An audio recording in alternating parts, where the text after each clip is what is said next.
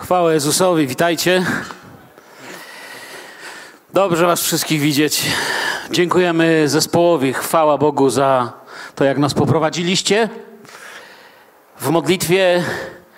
I myślę, że jedna z pieśni, którymi dzisiaj modliliśmy się, każda oczywiście, ale ta jedna w jakiś sposób bardzo związuje się z tym, co w czasie tego dzisiejszego czwartkowego nauczania chciałbym poruszyć. I myślę, że związuje się z doświadczeniami wielu z Was. To nie moja moc, nie moje starania. Krótko mówiąc, to Twoja łaska. Dziękujemy, że przypomnieć mogliśmy sobie tą wielką prawdę dotyczącą tego, jeżeli cokolwiek w naszym życiu się nam naprawdę udało, to nie moja moc, to, to nie moje starania. Nie szczycę się mądrością, Panie. Pamiętacie psalmistę? Nie szczycę się koniami i wozami. Tobą pragnę się strzycić, mówiła też pięknie sparafrazowana, czy sparafrazowany ten psalm do pieśni. Czasy, do których przez najbliższe dwie lekcje biblijne chcę Was zabrać, to czasy, które były tak zwanymi czasami wspomnień. Wiele razy takie czasy się zdarzają. Być może my właśnie w takich czasach też trochę żyjemy, a mianowicie takich wspomnień, gdzie ludzie mówią, wiesz, kiedyś to Bóg naprawdę działał. Kiedyś to było. Nie? Ja się z tym nie do końca zgadzam, ale ludzie lubią mówić, jak to to kiedyś było, że kiedyś to wiesz, nawet przyszłość była lepsza niż jest dzisiaj ale e, faktycznie były takie czasy wspomnień i bywają i w naszych dniach, że ludzie wspominają, jak to dawniej Pan działał, jak to było, kiedy Mojżesz, kiedy Jozue, kiedy i tak dalej, i tak dalej. No i niestety, jak to jest dzisiaj, co słychać, nic nie słychać, stara bida.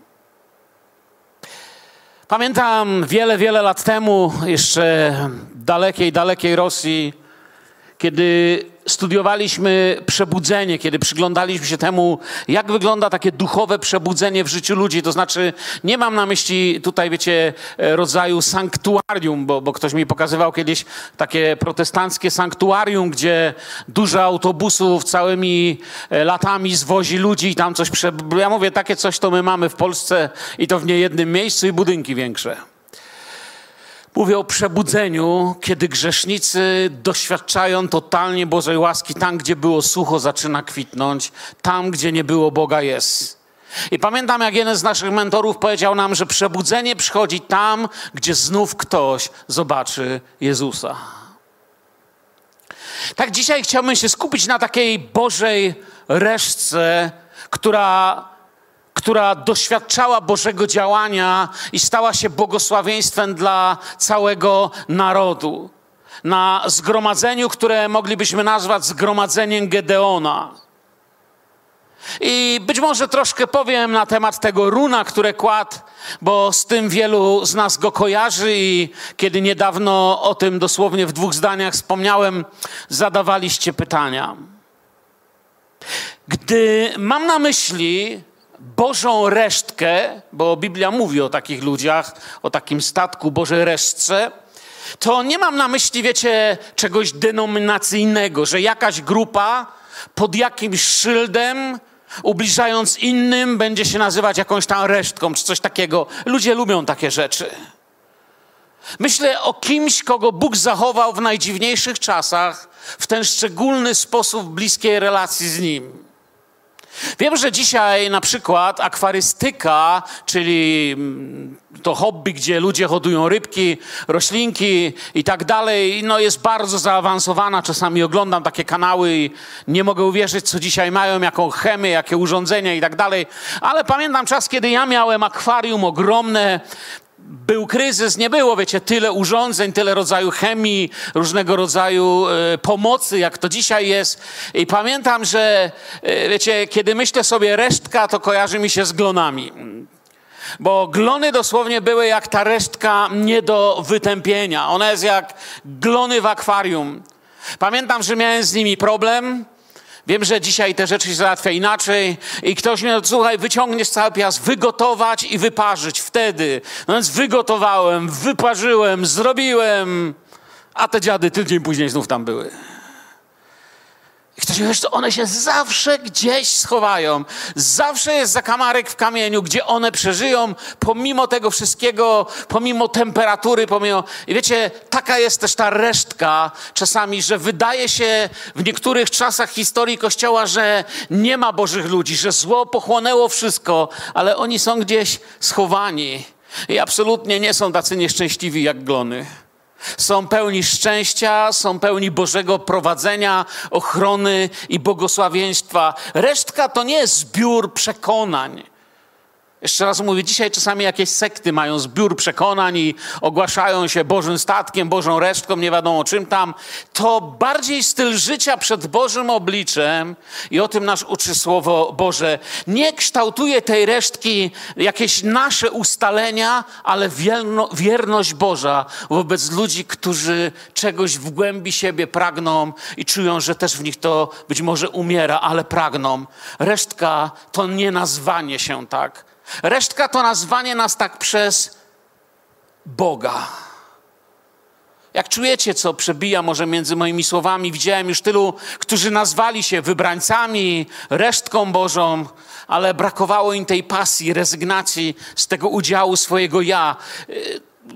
To nie była resztka, to były bardziej resztki.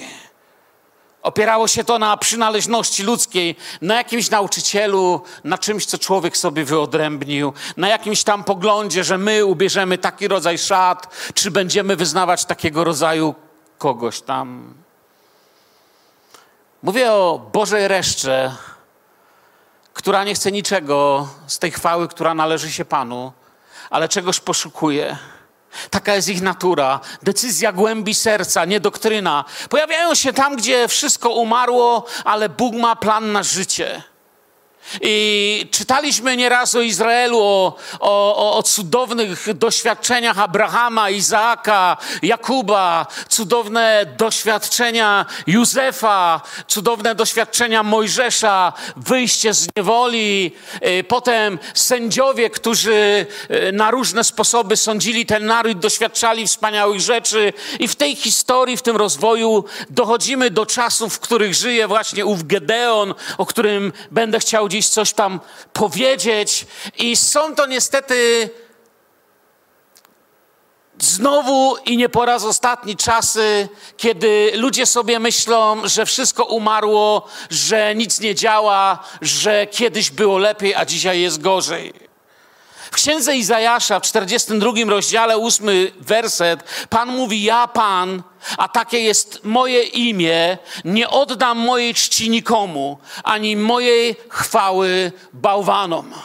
Bóg jest gotowy okazać swoją cześć Wchodzimy w czasy, gdzie ludzie czcili różnych bożków, różnych bali. Mało tego, zaczęli się ich naprawdę poważnie w Izraelu bać. Byli przekonani, że oni mają wielką siłę, że również mają wpływ na pogodę, zbiory i powodzenie. Bóg nie zamierzał się dzielić swoją chwałą i dlatego wiele rzeczy źle szło, ponieważ nie zamierzał błogosławić i patrzeć, jak Baal odbiera sobie chwałę. Nie tylko dlatego to powiedział, że brzmi tak bardzo święcie, ale też dlatego, kim on jest, dlatego, że nas kocha i Bóg wie, że w naszym życiu nic nie może go zastąpić i nigdy żadnego zastępstwa w miejsce swego własnego działania obecności w nasze życie nie włoży. Lekcja Gedeona to jest lekcja życia w uniżeniu przez bałwany, w uniżeniu przez strach w uniżeniu przez pełną lęku codzienność, która przeciwstawiona jest wyborowi, aby nie żyć w uniżeniu przez bałwany i strach, lecz by uniżyć się przed Bogiem i z pokorą doświadczyć Jego działania. Lekcja pomiędzy idolami i mocą. Ludzki wysiłek Poznanie, decyzje dokonują wyborów, ale na koniec Bóg zdecyduje, kto będzie miał udział w tym wspaniałym zwycięstwie. Wiecie, kiedy spojrzysz na tłum, taki religijny tłum, to można odróżnić, nie wiem, protestantów, katolików, prawosławnych, co tam tylko chcemy. Ale pośród tego wszystkiego, pośród tego, co my ludzie podzieliliśmy na różne rzeczy, Bóg odróżnia swój lud. Bóg odróżnia swój kościół, widzi go. Tak, trwa tak zwana stara bieda, jak się masz po staremu. Gedeon żyje tak, aby nikt nie widział jego błogosławieństw, żeby tylko jakoś dociągnąć do jutra.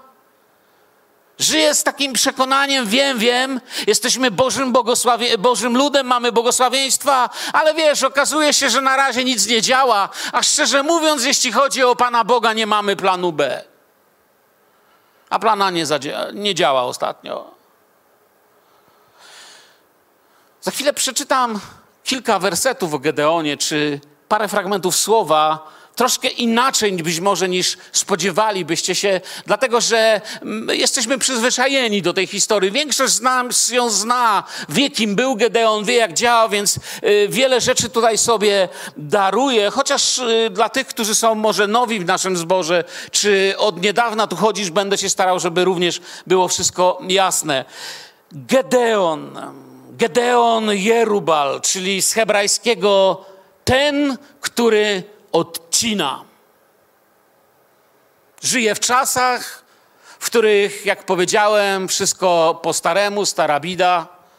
I kiedy się go pytają, jak się masz, no to nie za bardzo jest się czym pochwalić. Przejdźmy do Księgi Sędziów, szósty rozdział, jedenastego wersetu. Przeczytajmy może do 23. Pewnego razu przyszedł anioł pański, usiadł pod dębem, który był w Ofra, a należał do Joasza, potomka Abiezera, podczas gdy Gedeon, jego syn, wyklepywał pszenicę w tłoczni winnej, aby ją zabezpieczyć przed Midianczykami. Na chwilkę się zatrzymajmy. Chcę wam coś powiedzieć.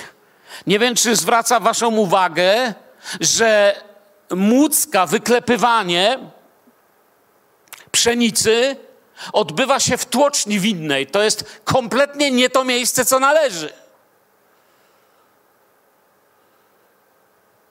Że w głowie przeciętnego Żyda to brzmi tak, jakbym wam powiedział, że wpadłem wczoraj do sklepu filatelistycznego naprawić samochód. Czekaj, czekaj, jeszcze raz. To się kupy nie trzyma. Przecież tam jest wgłębienie.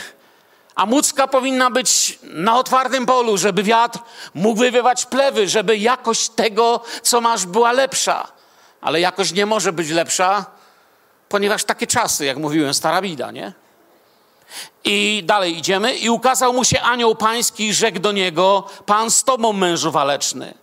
A Gedeon rzekł do niego za pozwoleniem, panie mój, jeżeli Pan jest z nami, to dlaczego spotkało nas to wszystko? Gdzież są wszystkie Jego cuda, o których opowiadali nam nasi ojcowie, mówiąc, czyż nie Pan wywiódł nas z Egiptu? Teraz zaś porzucił nas Pan i wydał nas w rękę Midianczyków. Wtedy Pan zwrócił się do niego i rzekł, idź w tej mocy Twojej i wybaw Izraela z ręki Midianczyków. Przecież to ja Cię wysyłam. On zaś rzekł do niego, za pozwoleniem, Panie mój, czym wybawię Izraela? Oto mój ród jest najbiedniejszy wśród Manasesytów, ja sam zaś najmłodszy w domu mego ojca. A Pan rzekł do niego, ponieważ ja będę z tobą, pobijesz Midianczyków jak jednego męża. I odpowiedział mu, jeżeli znalazłem łaskę w twoich oczach, to daj mi jakiś znak, że to ty rozmawiasz ze mną. Nie odchodź stąd, aż wrócę do ciebie i przyniosę ci ofiarę z pokarmów i położę ją przed tobą. A tamten rzekł, pozostanę tu, aż wrócisz. I poszedł Gedeon i przyrządził koźle oraz placki z jednej efy mąki, mięso włożył do kosza, polewkę wlał do garka i przyniósł do niego pod dąb i położył przed nim. A anioł Boży rzekł do niego, weź mięso i placki i połóż je tam, na skalę. A polewkę wylej i uczynił tak. Wtedy anioł pański wyciągnął laskę, którą trzymał w ręce i dotknął jej końcem mięsa i placków. Wtem buchnął ogień ze skały i strawił mięso i placki, ale anioł pański zniknął z jego oczu. Gdy Gedeon przekonał się, że to był anioł pański, rzekł: Ach, panie Boże mój, przecież to anioła pańskiego oglądałem twarzą w twarz. Lecz pan rzekł do niego: Pokój z tobą, nie bój się, nie umrzesz. Bał się, że umrze, ponieważ oni wierzyli, i taka jest prawda, że nieprzygotowany człowiek, gdyby wszedł w Bożą chwałę i zobaczył Boga twarzą w twarz, przeżyć tego nie może. Natomiast on zupełnie nie zauważył, po co przyszedł Pan, był całkowicie skupiony na swoich staraniach i nagle dzieje się coś dziwnego. Bóg właściwie mówi, że, że to jest ok, żeby w tym szedł, szedł dalej. Być może kogoś takiego potrzebował, a być może zaraz będziemy na to temu się przyglądać. Potrzebował, żeby ktoś czegoś się nauczył, abyśmy i my w naszych czasach mogli uczyć się od niego. Dzisiaj imię Gedeon kojarzy się z wojownikiem. Mówisz Gedeon, każdy myśli wojownik. Ale tak naprawdę, kiedy po raz pierwszy spotykamy się z tym imieniem, czytając Biblię, to widzimy tchórza. Potem widzimy przemienionego tchórza. Widzimy kogoś, kto się pyta, a, a gdzie te cuda? A czym ja mam wybawić naród? I kogoś, kto w Bożej lekcji dochodzi do miejsca, Boże, chcę, żebyś był dla mnie realny, pomimo potężnej mojej niewiary. Z czym kojarzy się moje i Twoje imię? Czy ludziom, którzy mnie znają, kojarzy się z tchórzostwem, kompromisem, wiarą, drogą na skróty, może z religią, tym, że no religijny facet ten Mirek. Czy kojarzy się z miłością do Jezusa?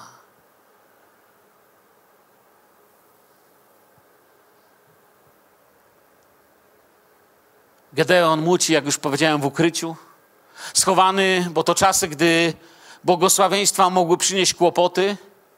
Jego ofiara pokazuje coś, co Pan widział. Przychodzi do niego Bóg, zaczyna z nim w ten niezwykły sposób w tych czasach niewiary rozmawiać. I gość biegnie do domu, żeby przynieść coś na ofiarę, żeby czymś obdarować. I wiecie, jest ciekawe, jeżeli wczujecie się dobrze, w jakich czasach to się dzieje, to szczerze mówiąc, ofiara, którą przynosi Gedeon, jest godziwa, solidna i naprawdę jest pewnym ryzykiem w czasie kryzysu, że jeżeli ktoś zobaczy, że tak mu się powodzi, mógłby mieć kłopoty. Ale od tego momentu powoli jego siłą, choć jeszcze w niedojrzały sposób, staje się obytnica. Bóg go przemienia, przemienia. I jak powiedziałem, nie do końca po kolei będę w tych dwóch wykładach się poruszał. I dochodzi do miejsca, gdzie Gedeon z pewną liczbą ludzi rozpoczyna Bożą przemianę w swoim narodzie. I dzieje się to w Księdze Sędziów w siódmym rozdziale od 1 do 9.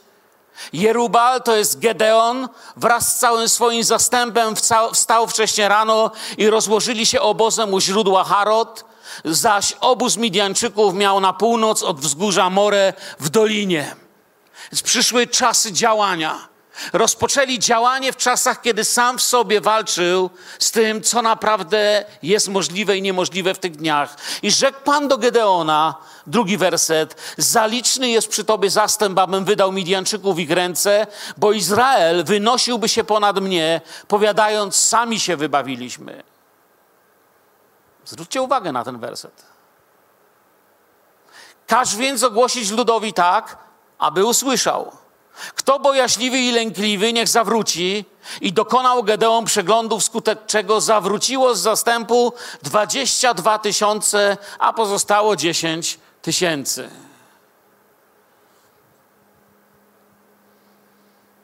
I rzekł Pan do Gedeona: Jeszcze zastęp jest zaliczny Sprowadź ich w dół nad wodę, a zamiast ciebie ja ich tam wypróbuję, o którym ci powiem, ten pójdzie z tobą, pójdzie z tobą. Żaden zaś z tych, o, których, o którym ci powiem, ten nie pójdzie z tobą, nie pójdzie. Sprowadził więc zastęp nad wodę, wtedy rzekł Pan do Gedeona, każdego, który chłeptać będzie wodę językiem jak pies chłepcze, odstaw osobno. Tak samo każdego, który klęknie na kolana, aby pić. A liczba tych, którzy chłeptali wodę z ręki przy ustach, wynosiła 300 mężów. Cała zaś reszta zastępu klękała na kolana, aby się napić wody.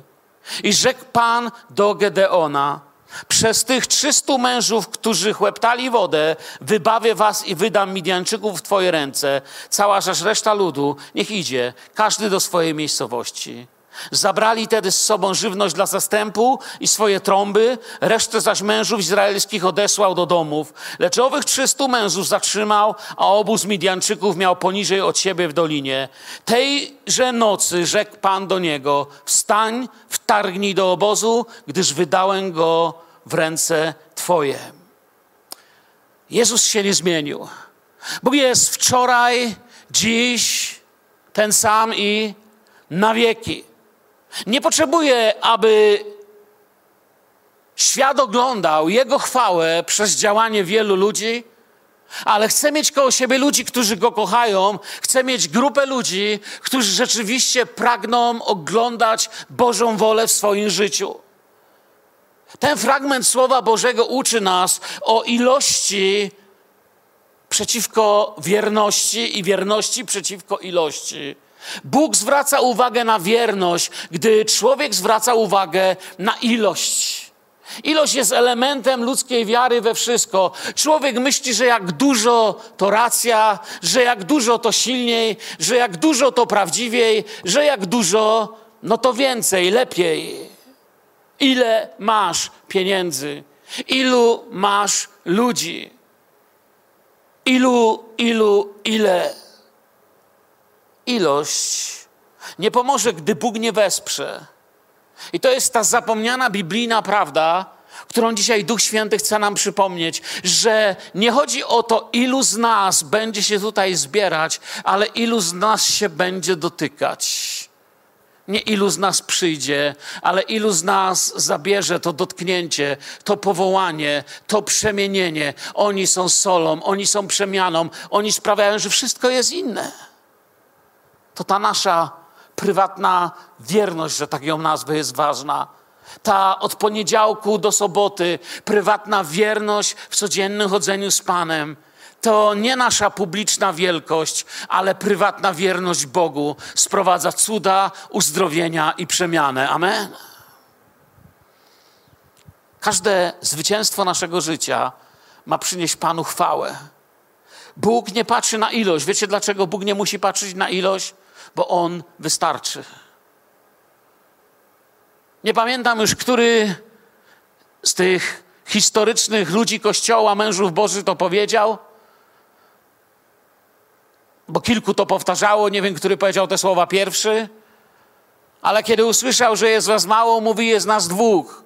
Ja i Bóg, a kiedy jest ja i Bóg, to jesteśmy większością. On wystarczy.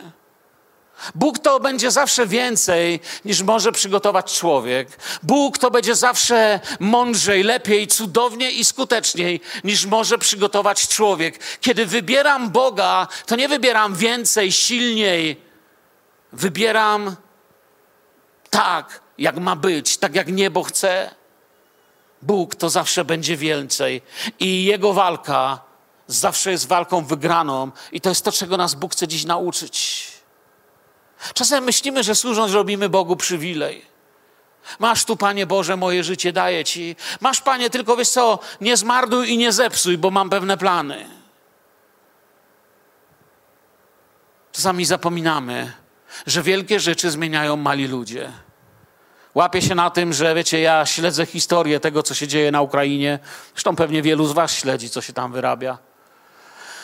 Myślę, że nie szybko będziemy oglądać koniec tego, co widzimy, i być może będzie to miało większy wpływ na świat niż nam się wydaje.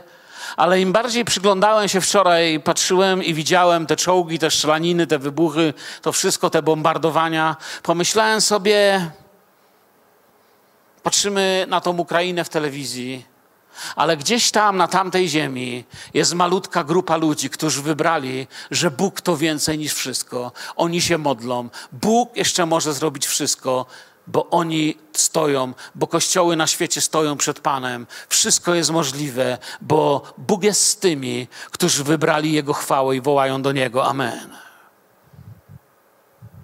Ich modlitwa zmienia rzeczywistość.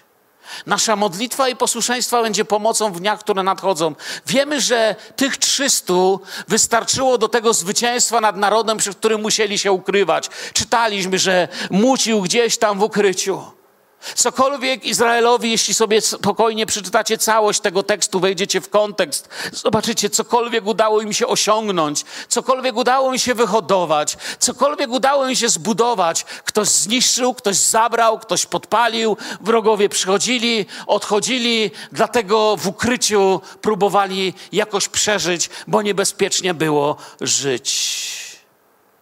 I nagle mamy tych 300, których Bóg wybiera nad wodą i historia biblijna, bo znamy ją wszyscy, mówi, że wystarczyło, choć nie pisze tam nigdzie, że byli najlepiej uzbrojeni, że mieli najlepszą broń. To nie były, wiecie, jakieś oddziały specjalne, wyszkolone nie wiadomo gdzie. To byli zwykli ludzie. Wszystko, co mieli, to Słowo Boże i Boże prowadzenie, czyli to, co świat wyśmiewa, a to, czego my się ciągle uczymy.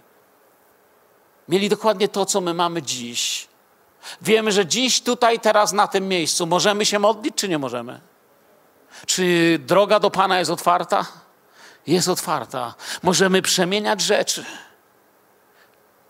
Mieli trąbkę, garnek i pochodnie. Cała broń. Nie wygląda jak oddziały specjalne. Mieli trąbkę, garnek i światło pochodni. Tak niewiele w oczach świata. Mieli to niezrozumiałe dla nich Boże wybranie. I z tym, jedynie z tym, Bóg posłał ich świat, aby przynieśli mu chwałę. Wiecie, gdy patrzę na to, jak Bóg wybrał mnie, grzesznika,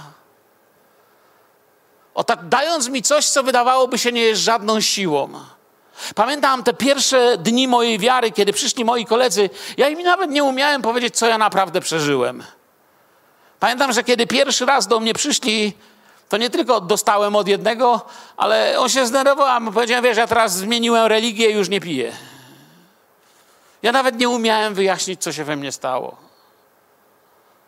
Ale czułem, że stała się jakaś silna, potężna rzecz, która coś zrobiła z moim życiem. W niczym nie jestem lepszy niż inni ludzie, a jednak mnie znalazł. Nie chcę poprzestać na zdziwieniu, chcę iść dalej. Nie chcemy poprzestawać na zdziwieniu przeszłością. Mojżesz, Jezue to fajnie, fajnie się czyta o Piotrze, ale jest to pragnienie w nas. Panie, tu w Filadelfii chcemy doświadczać Twojej obecności dziś. Amen. Panie, chcemy czytać o cudach, ale dziś tutaj chcemy widzieć, jak uzdrawiasz nasze dzieci, nasze żony, mężów naszych bliskich. Panie, chcemy czytać o Bożych rodzinach zgromadzonych wokół Ciebie, ale my też chcemy być taką Bożą rodziną zgromadzoną wokół Ciebie. Wróg nadciąga przeciwko Kościołowi, przeciw Bożym ludziom. I coraz więcej zborów będzie się modlić, aby Pan coś uczynił. Ta, wiecie, nasza wolność się coraz bardziej zawęża. Coraz bardziej niezrozumiałe rzeczy, dziwne teorie są w modzie. Tak jak w czasach Gedeona, lud Boży był ograbiany i napadany, aż Boża realność nie stanęła komuś na drodze, aż Boża obecność nie stanęła i Bóg nie zadał pytania: To jest to, jak chcesz żyć? Witaj, mężu waleczny. Ale ja nie jestem mąż waleczny. Jesteś, tylko o tym nie wiesz. Witaj, i powiem ci po imieniu, wiecie, jakbym tu mógł teraz Bogdan, witaj Gosia, witaj Daniel, witaj Leszek, witaj Anetka i tak dalej, Seweryn, Marek. I mógłbym wymieniać was wszystkich. Ale powiem po imieniu, witaj Boży wojowniku. A ty powiesz, chłopie, ja nie jestem żaden Boży wojownik. Po pierwszej zmianie ledwo się tu dowlokłem, albo dzisiaj ledwo żyję. A Bóg by ci odpowiedział: Jesteś. Przez Twoją wiarę i modlitwę możesz wymodlić chorego, żeby był uzdrowiony. Możesz czy nie możesz? Przez Twoją wiarę i modlitwę możesz pokazać światu Chrystusa. Przez Twoją wiarę i modlitwę Ty, i wstaw sobie Twoje imię, Ty, Mirosławie Kulec, Ty, bracie, siostro, możesz dokonywać zwycięstwa. To Ty możesz. To nie gdzieś tam jest jakiś mistyczny kościół za górami, za lasami, tam gdzieś daleko za oceanami, może w Brazylii, a może w Chile, a może gdzieś w Afryce mają. Tam mają tego samego Jezusa, co my. Witaj, mężu waleczny. Czy będziesz chciał położyć w ofierze coś od siebie? Czy będę chciał uwierzyć, że to ja stanowię o jakości naszego zboru? To, jaki tu przychodzę, decyduje o tej, jakiej jakości jest nasz zbór. Im bardziej jestem bylejaki, tym bardziej bylejaki jest nasz zbór. Im bardziej jestem człowiekiem Słowa Bożego, tym bardziej zborem Słowa Bożego jest nasz zbór. Jeżeli dzisiaj połowa z Was rozpoczęła poranek od czytania Słowa Bożego, tak jak ja go rozpocząłem, do czego Was zachęcam, to oznacza, że połowa naszego zboru rozpoczyna już dzień od Słowa Bożego. Jeśli cały, to oznacza, że cały. Czujecie to? Amen? Witajcie, Boży mężowie. Witajcie Boże kobiety, witajcie waleczny ludu Pana Jezusa, waleczny w ten Jego miłosny, piękny sposób. Tylko Boża realność przynosi zmianę w to, co wydaje się niepokonanym i niezmienionym. Każdy, kto służy Bogu i czyta Biblię, widzi to i wie, że trwa wojna. Koniec jest blisko, ale bitwa przed nami. Można też się pogodzić, że żyjąc letnim, byle jakim życiem, będziemy doświadczać kolejnych diabelskich najazdów. Ja nie chcę dzisiaj głosić Ewangelii, która wam powie tak, słuchajcie, gdybyście kochali Pana Boga, byli bez grzechu, to nie byłoby chorób, nie byłoby problemów, byłoby z górki. Nigdzie w Biblii Bóg nie obiecał, że będzie zawsze z górki. Ale w Biblii Bóg obiecał, oto jestem z wami po wszystkie dni, aż do skończenia świata. Jestem z wami, jestem pasterzem, który was prowadzi. Jestem tym, który walczy za was. Jestem waszym panem. Nasze domy, rodziny, zdrowie, myśli, to czym jesteśmy, może należeć do Niego, On chce to prowadzić. Taki będzie nasz zbór. Wiecie, kultura Kościoła nie jest kulturą tego świata. Wiele razy to mówiłem. Ten świat mówi, że jest kultura polska, kultura angielska, kultura jakaś tam meksykańska i tak dalej, indiańska i mogę wymieniać jeszcze. My nie jesteśmy tą kulturą. My jesteśmy, mamy inny język, inną kulturę. Naszą kulturą jest wybaczenie, życzliwość, łagodność. Naszą kulturą Naszym językiem, przepraszam, nie jest język plotek, język oskarżeń, język ataku. Naszym językiem jest język błogosławieństwa, język modlitwy, język dobra. Resztka pojawia się, gdy następuje koniec. Gdy wydaje się, że już jakoś po ludzku sprawy zostały uporządkowane, jest jak jest, i zaczyna się. Pomyślałem sobie, co by było, gdyby Gedeon pisał książkę na temat zarządzania ludźmi i społecznością, zborem na przykład. Powiedziałby tak, no, jak na początek mamy dobrze, słuchaj, nie wiem, czy się możecie z nami równać, 32 tysiące ludzi, no i co, pastorzy? 32 tysiące ludzi z nami stoi. Czuję, że tym razem coś zrobimy. A Pan Bóg patrzy i mówi, nie, znowu nic z tego nie będzie. Co, za mało? Nie. Za dużo.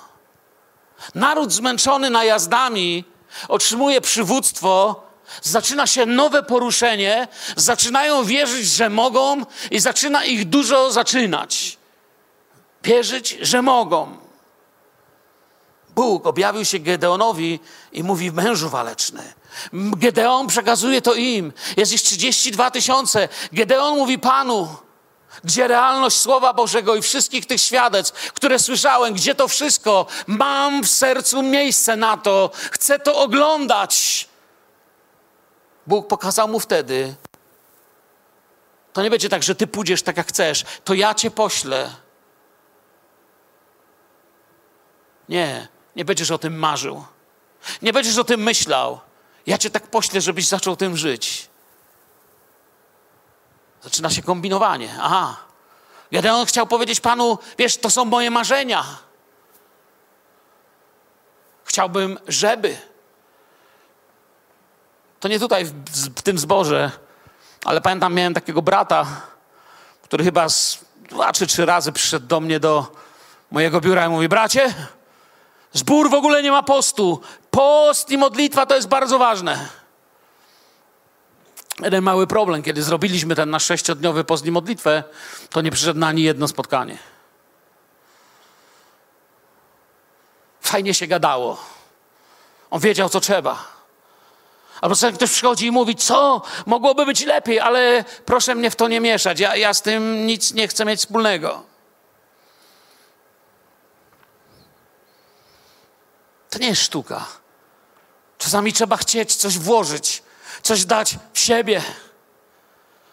Czasami ludzie chcą z siebie położyć coś, gdzie pamiętam, pojechałem na jedną konferencję i taka siostra siedziała, nie chcę wam powiedzieć gdzie, bo nie chcę, bo, bo, bo by ta siostra się domyśli, znaczy ona się domyśli, jak to będzie słuchać, ale nie powiem gdzie. Ona tak siedziała, wiecie, mniej więcej w środkowym rzędzie i tak mi się przyglądała. Tak widziałem, że coś dziwnie na mnie patrzy, tak z góry na dół. Myślę, nie wiem, no tak, może się jej nie podoba, może za duży trochę chłop ze mnie, czy coś w tym stylu, nie? Ale to była taka czterodniowa konferencja, głosiłem czwartek, piątek, w sobotę miałem trzy wykłady. Kiedyś, wiecie, takie robiono, takie zjazdy zborowe, z czwartek wieczór, piątek wieczór, trzy w sobotę, agapę i niedziela rano i wieczorem. Taki no, dość aktywny czas. I mniej więcej w sobotę wieczorem przychodzi do mnie i mówi, bracie, i kładzie mi, wiecie, trzy koszule. Ja mówię, a co to jest? Bracie, ja tak na ciebie patrzę. Patrzyłem na ciebie w zborze, w tej samej koszuli jesteś ciągle. Ty w ogóle koszuli nie zmieniasz. W piątek żeś głosił w tej samej koszuli. W sobotę żeś głosił w tej samej koszuli, znaczy w czwartek i w sobotę wszystkie sesje w tej samej koszuli. No postanowiłam, że ci kupię koszulę. To się nazywa coś chcieć zmienić. Ona nie tylko mnie skrytykowała. Inna rzecz, że jej powiedziałem, kochana siostro, moja żona kochana wyprawiła mnie w trasę jak trzeba. Mam w moim pokoju około 10 koszul. Gorzej nie pokazywałem, że wszystkie czarne. 10. Ja mówię, mam ich więcej, to tylko tak wygląda. Ale powiedziałem, że mam, ale jej podziękowałem. Wiecie, wiecie o czym mówię? Ona tylko nie przyszła. Słuchaj, chłopie, ta sama koszula. Ona stwierdziła, że biedny i trzeba, trzeba mu pomóc. Ona coś zrobiła. To nie chodzi o to, żeby marzyć o kościele, w którym się dzieje, ale żeby się działo, żebyśmy zaczęli być ludźmi, którzy w ruch to wprawiają. Pamiętam, kiedyś wam to opowiadałem, tam gdzieś przy innej okazji, kojarzę, że to tu mówiłem. Pewne małżeństwo, które mieliśmy w zborze i mieli ogromne problemy finansowe. Widziałem, że naprawdę mają trudno. A że zawsze chętnie byliśmy ludźmi, którzy chcieli błogosławić innych, to pewnego dnia po nabożeństwie, wiecie, nie żebym coś chciał mówić, co ja tam daję, tego się nie dowiecie. Chcę wam powiedzieć o pewnej zasadzie. Mówiłem tutaj o tym kiedyś chyba, kiedy mówiłem o dziesięcinie. Schowałem sobie trochę pieniędzy do kieszeni i kiedy witaliśmy się po nabożeństwie, wziąłem te pieniądze tak w rękę i kiedy cześć dawałem temu bratu, to mu tam wsadziłem w rękę, tak żeby nikt nie widział. Kto biednemu pomaga, Bogu pożycza, Biblia mówi, Niech nie wie prawica, co czyni lewica. Biblia mówi o jałmużnie. To właśnie o jałmużnie. Nie o dziesięcinie, nie o ofiarach, nie o darach, ale właśnie o jałmużnie są te słowa. A więc nie chciałem, nikt nie wiedział, cichutko mu podałem. Czemu wam o tym mówię? Ja o tym gdzieś to tam uciekło w mojej pamięci, zapomniałem. I pojawiła się w naszym zborze pewna wdowa. Było jej bardzo trudno. I pewnego dnia wierzę, że Bóg mi dał kątem oka dosłownie. Inni nie widzieli. Wierzę, że ja od Pana dostałem dar oglądania tego. I cichutko zachowałem to dla siebie. Dziś jako lekcję wam to mówię, choć nie wiecie, gdzie to było. Ja jak dziś widzę tą kobietę, kiedy ludzie po nabożeństwie podawali sobie rękę w tamtym czasie, ten człowiek uzyskał bardzo dobrą pracę, zaczął budowę swojego domu, zaczął jeździć lepszym samochodem, zaczął się dużo lepiej mu powodzić. I widzę, jak po nabożeństwie ludzie ściskają sobie rękę i zobaczyłem plik banknotów w jego ręce, jak podał dłoń tej wdowie. Zgadnijcie się, gdzie się tego nauczył. Nauczył się tego ode mnie. A ja się nauczyłem tego od innego brata, który to zrobił w moim życiu, kiedy ja miałem trudno. A on nie wiem gdzie, ale wszyscy nauczyliśmy się, że nie chodzi tylko o to, żeby widzieć, żeby marzyć o cudownym kościele, ale stawać się cudownym kościołem. Stawać się kościołem wsparcia, kościołem błogosławieństwa. Gedeon chciał powiedzieć Panu, nie nadaje się. Nie wiedział być może, że to wszystko, co Bóg właściwie chciał usłyszeć.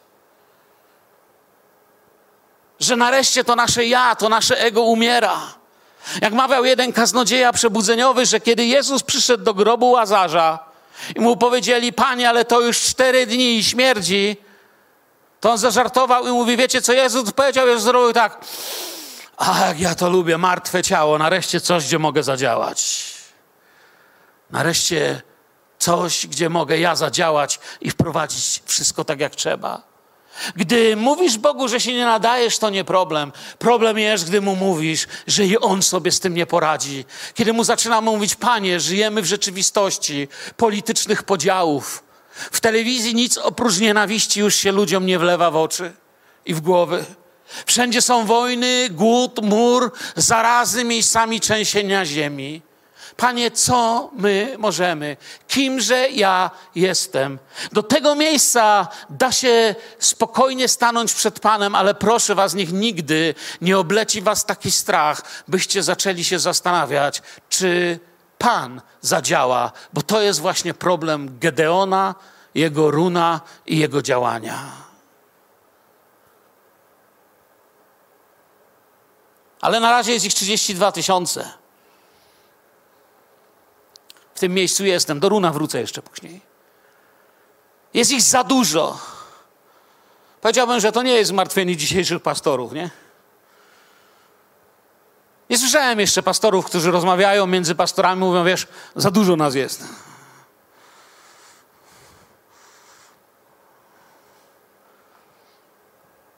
Ale Bóg mówi, wyniosą się ponad mnie, Boga. Bo jest ich tylu, że będą mówić, no, zebrało się nas tyle, bo my naprawdę jesteśmy ktoś. Ja nie chcę teraz powiedzieć, że ktoś nie włożył mi w usta słów, których nie powiedziałem, że nie podobają mi się duże zbory. Podobają mi się. Bogu nie podoba się, gdy wierzymy w naszą wielkość. Kiedy nam się wydaje, że nasza wielkość jest zwycięstwem. Widziałem już duże kościoły skupione na Panu i Jego łasce i widziałem małe grupki skupione na sobie jak sekty. Ich siłą była krytyka i cudze winy. Zupełnie o coś innego. Co jest tajemnicą tej resztki? Zebrał tą wielką armię usłyszeli: Kto chce pójść za mną? Jest takie miejsce. Były rybki, były cuda, były chlebki, były uzdrawiania, było wszystko cudownie. Tłumy waliły. Ale doszli do pewnego miejsca, jak ci Gedeonici do pewnej rzeki.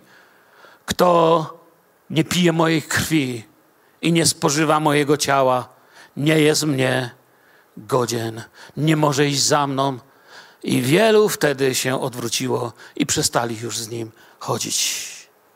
Kto nie pije mojej krwi i nie je mojego ciała, kto utraci swoje życie za mnie, a potem on zadaje to pytanie swoim uczniom: Czy i wy chcecie odejść?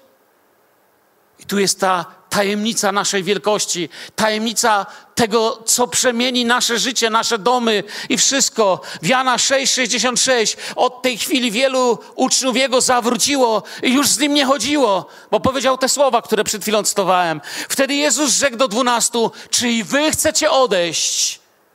I tutaj jest klucz wszystkiego. Odpowiedział mu Szymon Piotr, Panie, i co tu pisze? Do kogo pójdziemy? Ty masz słowa żywota wiecznego, a myśmy uwierzyli i poznali, że Ty jesteś Chrystusem, Synem Boga żywego. Nie co, nie jak, nie za co, nie którędy, nie jakim sposobem, ale z kim. W chrześcijaństwie zwycięskim liczy się osoba. Amen. Słyszycie?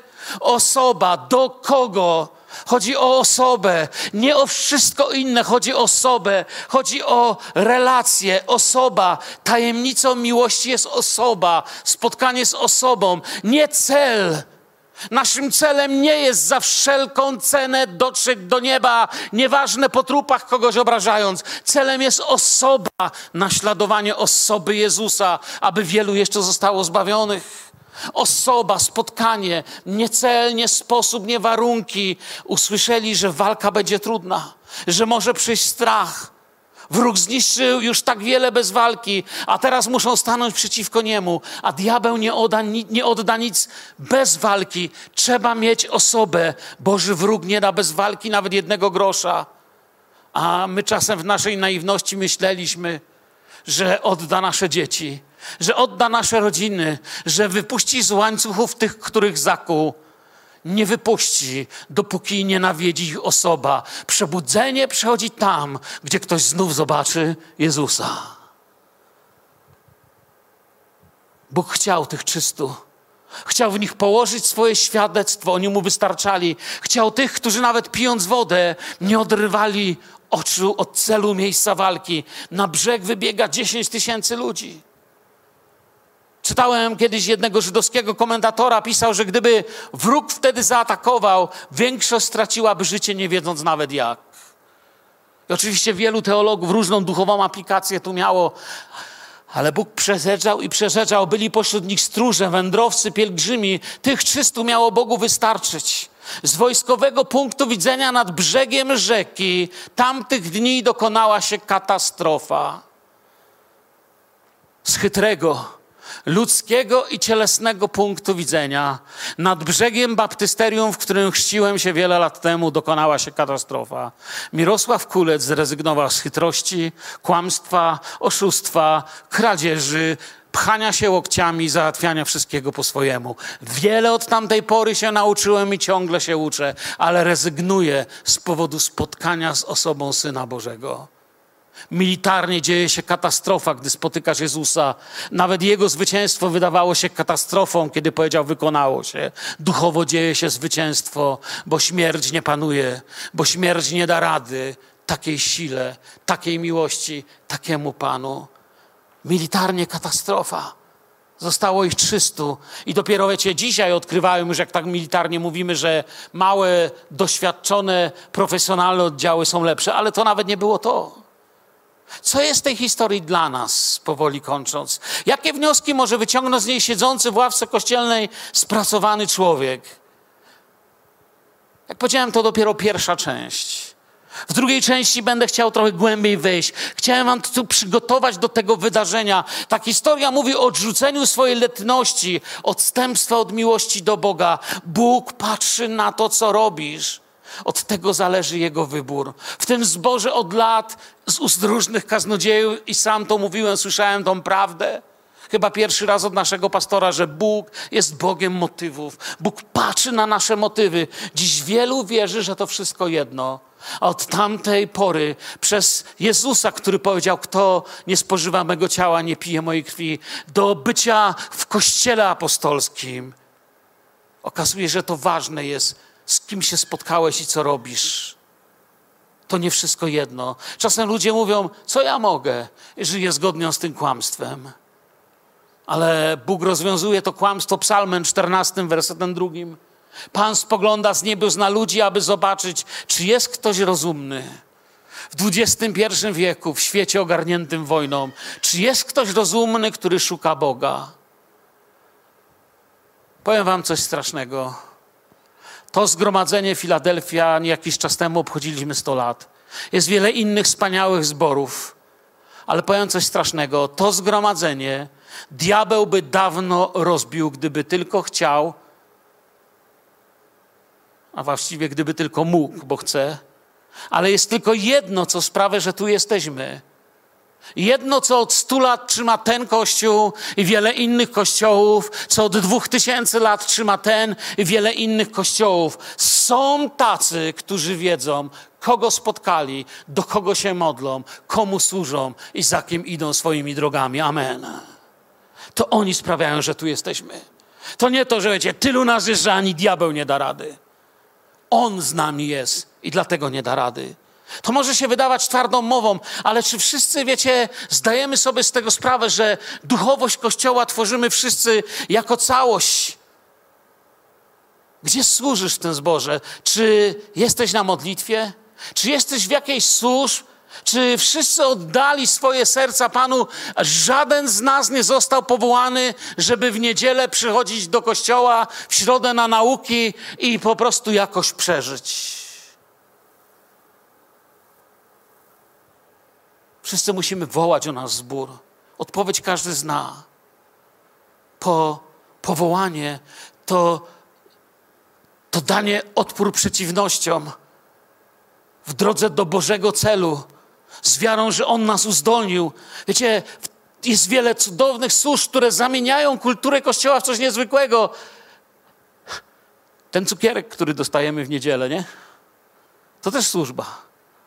Są zbory, byłem w zborze, gdzie jeden skromny człowiek powiedział: Niewiele mogę, ale póki będę żył, zobowiązuję się, że na kazalnicy zawsze będzie stała świeża butelka wody. To jest moja służba dla tego zboru. Bardzo biedny człowiek. Chory, niewiele mógł zrobić. Ale pamiętam, że jak tam głosiłem, pastor mówi, możesz wziąć. Tak się napiłem. Mówi, mamy człowieka. 25 lat, zawsze stoi świeża butelka. To jest jego służba. Tak okazuje swoją miłość. Są zbory, gdzie na różne inne ktoś pomaga, ktoś podnosi, ktoś rozgląda, czy ktoś nie przyszedł w starych butach, ktoś jest wstawiennikiem modlitwy, trzyma swoje życie w czystości. Przychodzi czysty w środę i w niedzielę na nabożeństwo, świętym życiem żyjąc. Wiecie dlaczego? Bo skanuje ludzi i odkrywa, Pan mu pokazuje, podchodzi i mówi: Czuję, że potrzebujesz wsparcia modlitwę. Mogę się o ciebie pomodlić? Jestem gotowy o modlitwę. Moja modlitwa nie, to nie są jakieś pobożne słowa. Przychodzę tu gotowy. Kościół jest zbiorem tych, co spotkali i naśladują Jezusa. Nie służą sobie, służą ludziom. Miłowanie bliźniego jak siebie samego. Najlepiej zacząć od tej ogromnej chęci, wybaczenia, jaką sami sobie byśmy zaoferowali, a potem tym, którym wybaczyliśmy, służyć z całego serca, nie patrząc na nic innego. Albo mam udział w zwycięstwie tego zgromadzenia, albo siedzę jeszcze, bo inni się modlą i nie chcą tego oddać. Ja tak dziękuję Wam za SMS-y. Mirek, modlę się o Ciebie. Proszę was, nie tylko do mnie piszcie, piszcie do innych i naprawdę to róbmy, żeby coś nie stać się kulturą SMS-ów, gdzie się wszyscy modlą, nikt nie modli. Ale to kiedyś sobie wzajemnie usługujemy. Nie zawsze jest łatwo. Byłem już złamany. Wszystko wyglądało, jakby diabeł wytoczył ciężkie działa. Pan patrzył, aby zobaczyć wtedy, czy jest ktoś rozumny, kto szuka Boga. Myślałem sobie, wybacz mi, Panie, dni bez wiary. Dni, kiedy tak łatwo się poddałem. Efezjan mówi, wszystko bowiem, co się ujawnia, jest światłem. Dlatego powiedziano, obudź się, który śpisz i powstań z martwych, a zajaśnieje ci Chrystus. Baczcie więc pilnie, jak macie postępować, nie jako niemądrzy, lecz jako mądrzy, wykorzystując czas, gdyż dni są jakie? Złe. Oni wzięli światło, i zło jeszcze raz okazało się złem. Oni byli tymi, których Bóg zauważył pośród tłumu i wybrał.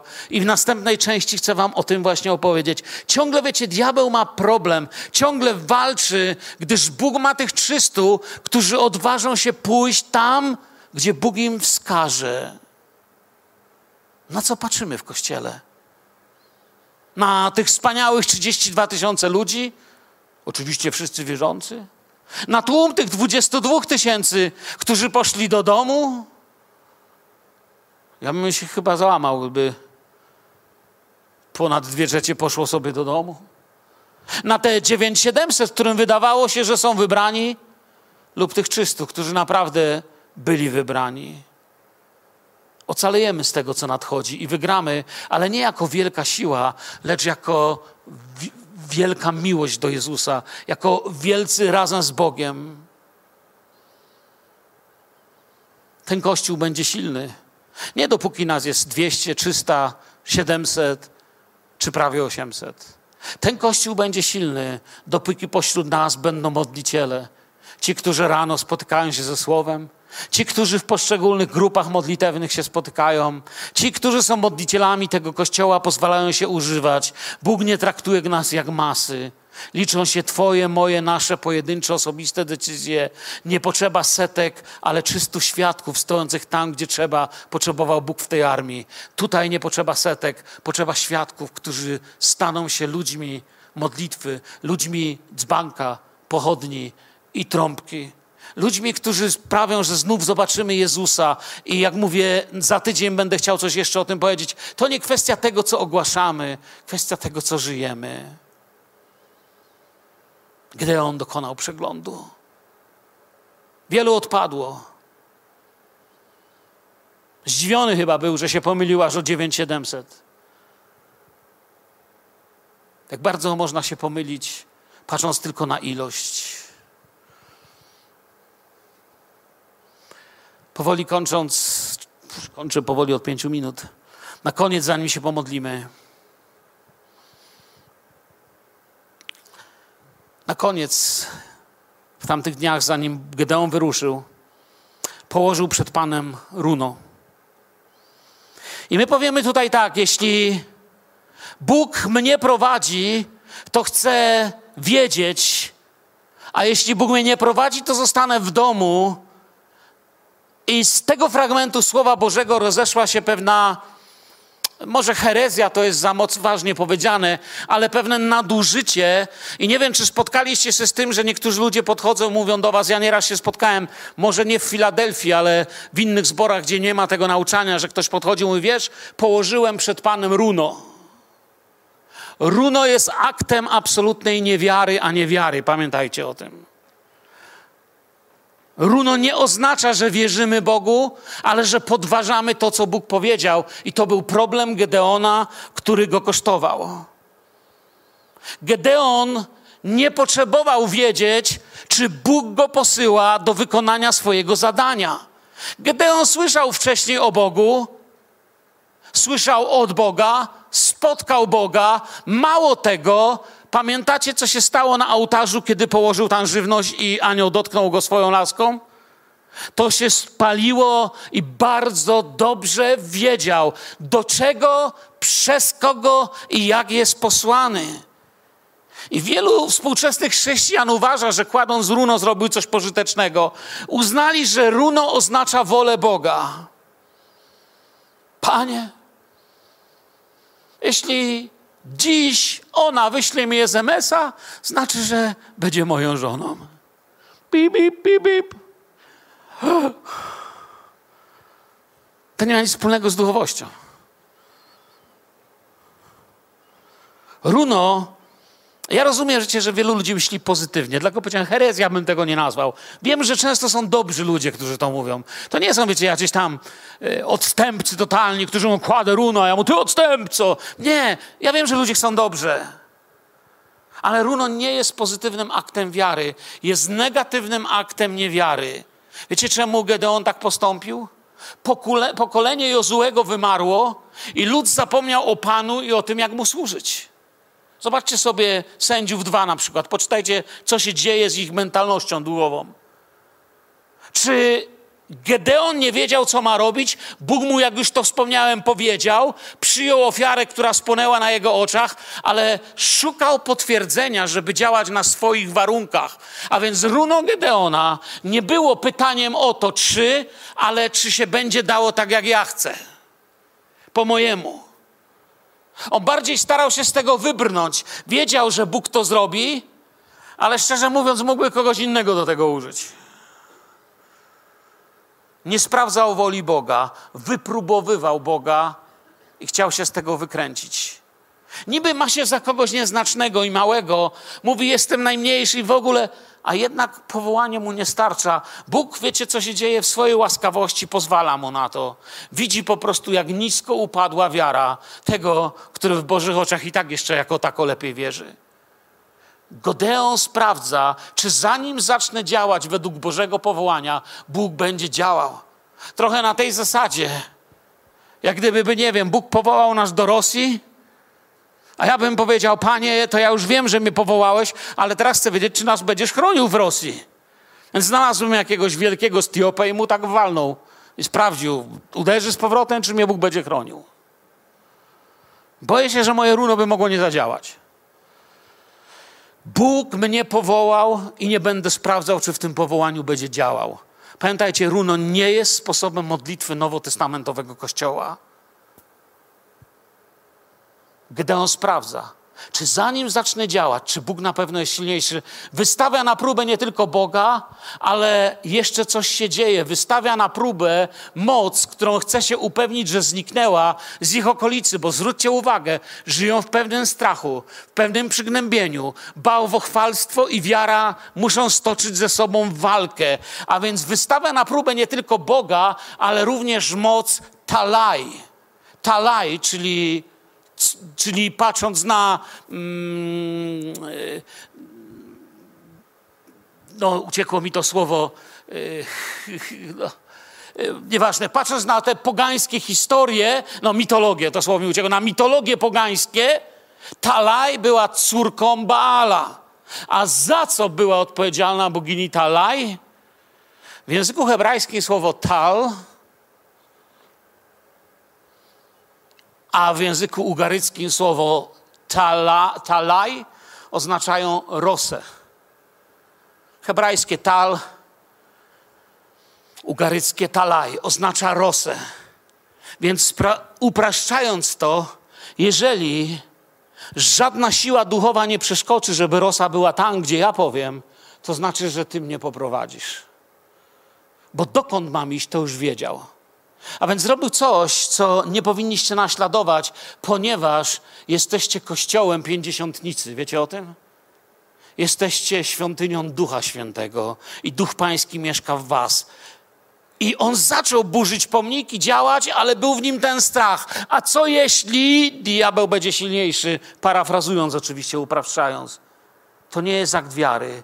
Kładąc runo częściej bawimy się w losowanie. Wiecie, kiedy widzę w naszych czasach, kiedy ktoś mi mówi, że kładzie runo i mi mówi, że mu chodzi o małżeństwo, coś ważnego, ja najczęściej jako duszpasterz odpowiadam, to co robisz nie jest modlitwą, jest losowaniem. Losujesz.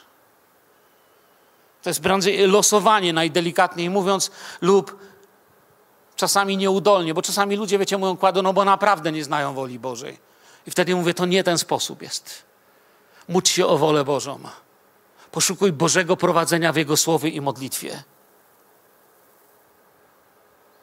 Oni wiedzieli, ilu ich jest. Nie wiedzieli, ilu ma diabeł, ale to nie miało znaczenia. Poszli do przodu z wiarą. Już później nie musieli o nic pytać. A jeden mógł zmusić do ucieczki tysiąc, a dwóch dziesięć tysięcy.